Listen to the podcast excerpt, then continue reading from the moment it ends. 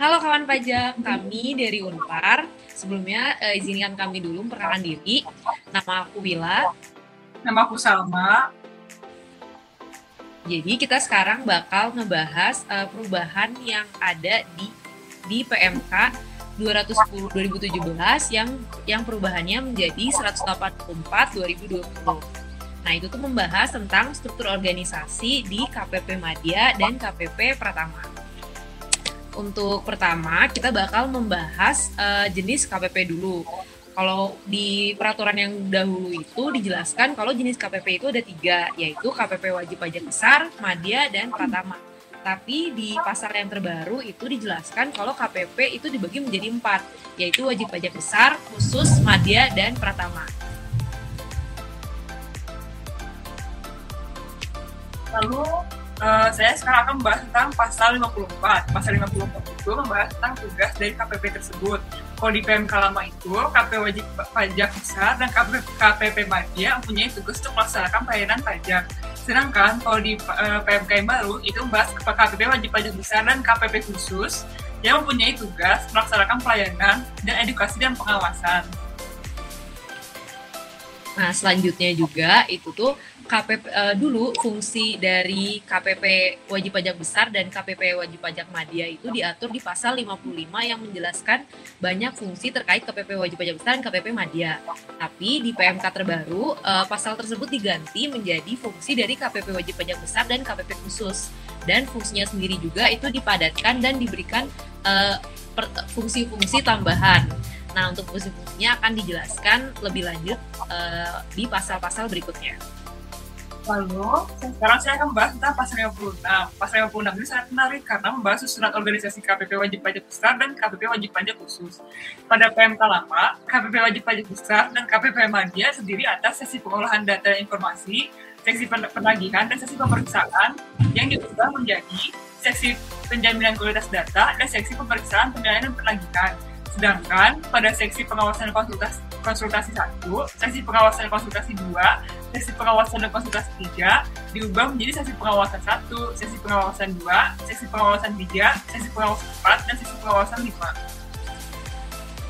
Nah, selanjutnya itu ada juga uh, perubahan di tugas dari setiap bagian dari KPP wajib pajak besar dan KPP Madya yang diganti menjadi KPP khusus.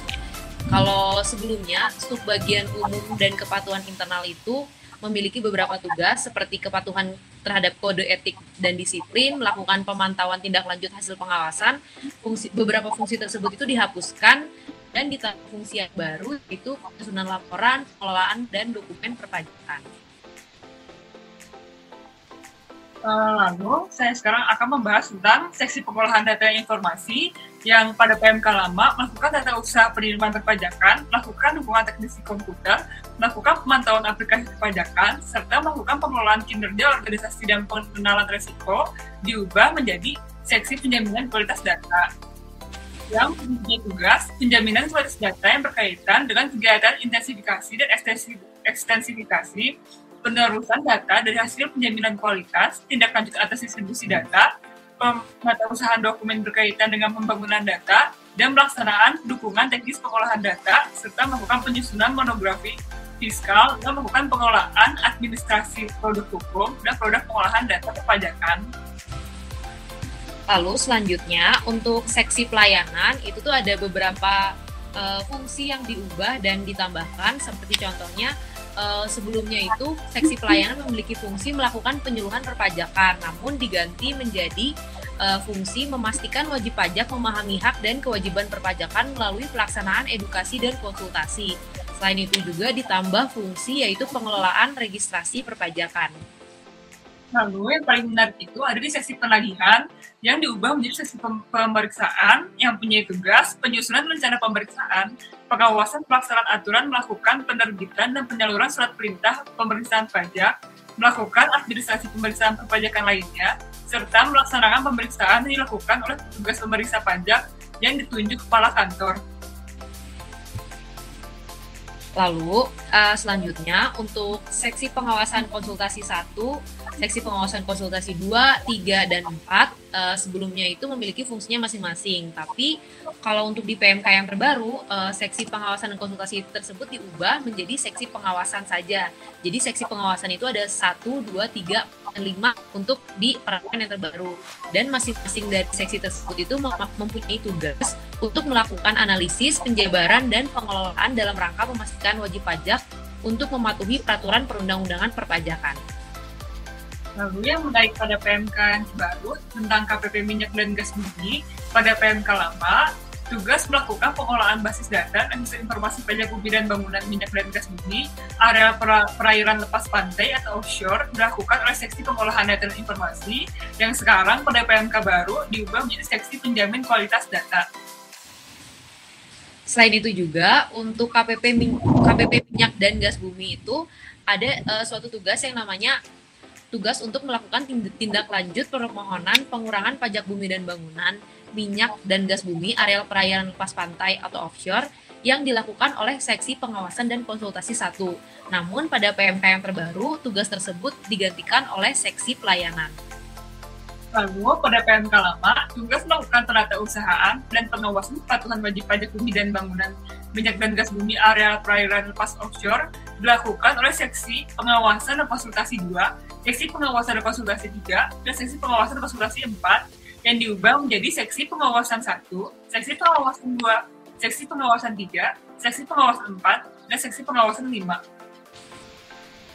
Eh, lalu selanjutnya ada juga uh, aturan tambahan yang diatur di PMK yaitu tugas untuk melakukan penilaian pajak bumi, pajak bumi dan bangunan minyak dan gas bumi areal perairan lepas pantai atau offshore yang dilakukan oleh seksi pemeriksaan, penilaian, dan penagihan.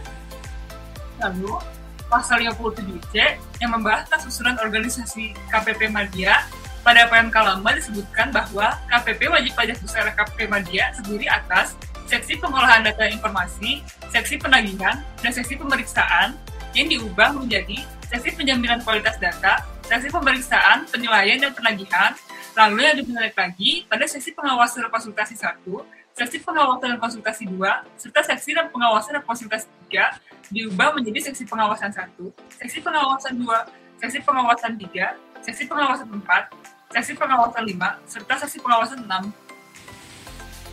Lalu selanjutnya untuk tugas dari setiap bagian seksi tersebut, seperti contohnya pada subbagian umum dan kepatuhan internal itu ada beberapa fungsi yang dihapuskan dan ditambahkan. Uh, seperti contohnya itu ada fungsi pemantauan kepatuhan terhadap kode etik dan disiplin. Lalu ada juga fungsi melakukan pemantauan tindak lanjut hasil pengawasan. Beberapa fungsi tersebut itu dihapuskan dan e, ditambahkan fungsi yang baru seperti internalisasi kepatuhan, penyusunan laporan, pengelolaan dokumen non perpajakan, serta dukungan teknis pelaksanaan tugas kantor.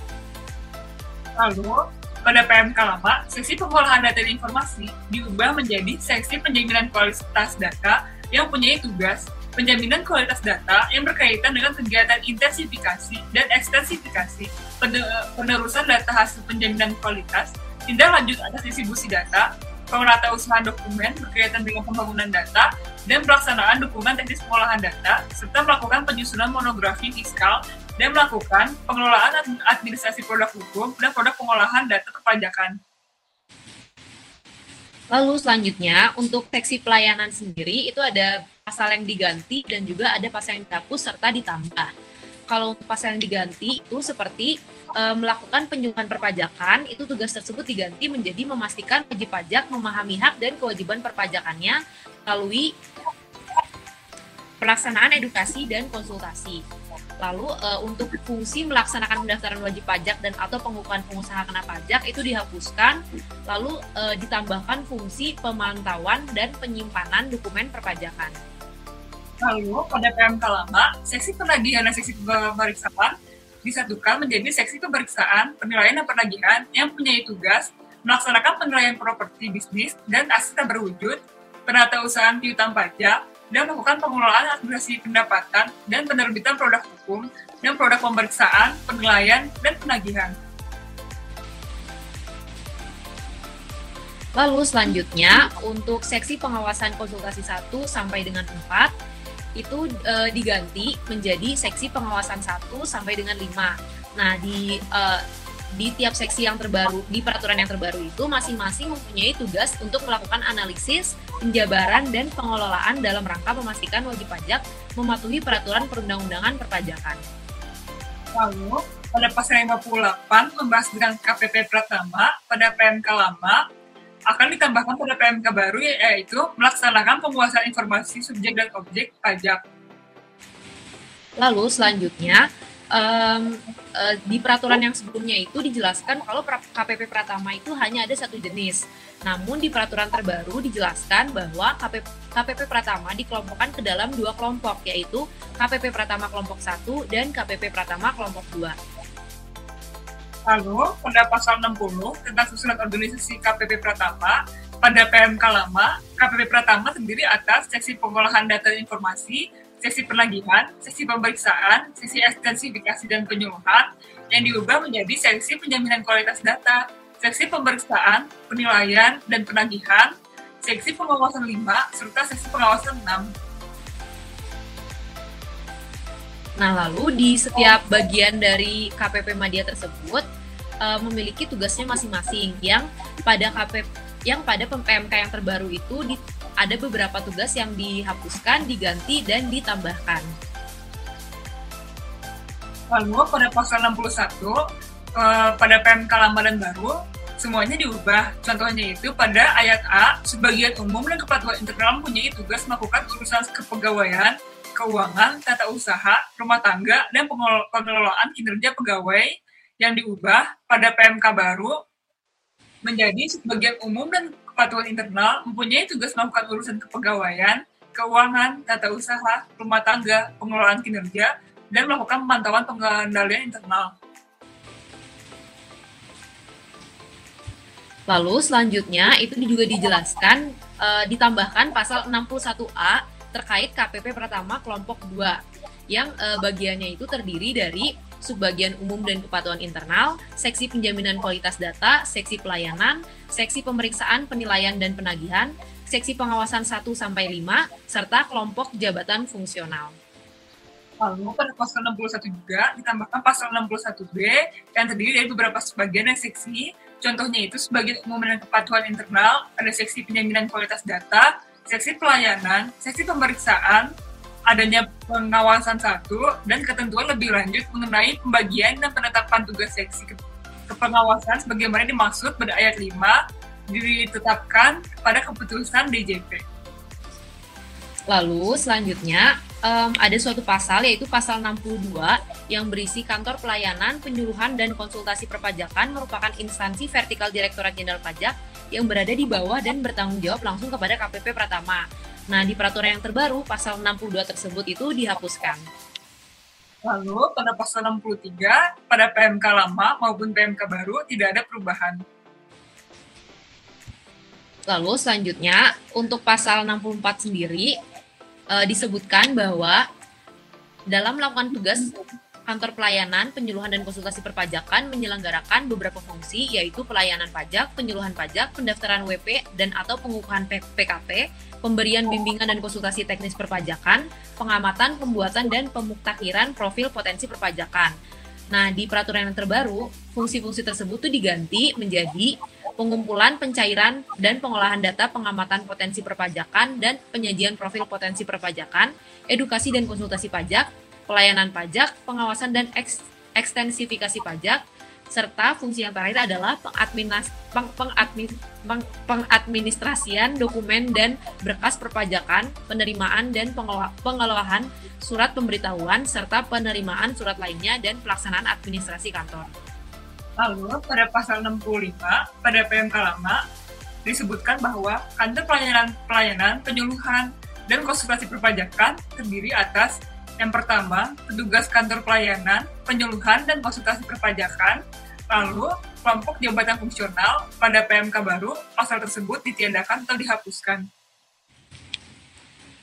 Lalu selanjutnya eh, di PMK yang lama itu dijelaskan bahwa petugas kantor pelayanan, penyuluhan, dan konsultasi perpajakan mempunyai tugas untuk melakukan pelayanan, penyuluhan, pendaftaran WP, dan atau pengukuhan PKP dan konsultasi per teknis perpajakan. Lalu di fungsi-fungsi tersebut itu ada yang diganti yaitu fungsi melakukan pengamatan pembuatan dan pemuktakiran profil potensi perpajakan, serta melakukan pengawasan kepatuhan kewajib, kewajiban perpajakan WP tertentu dan melakukan administrasi kantor. Nah, beberapa fungsi tersebut itu diganti menjadi melaksanakan pengumpulan, perencanaan, dan pengolahan data, serta pengamatan potensi pajak.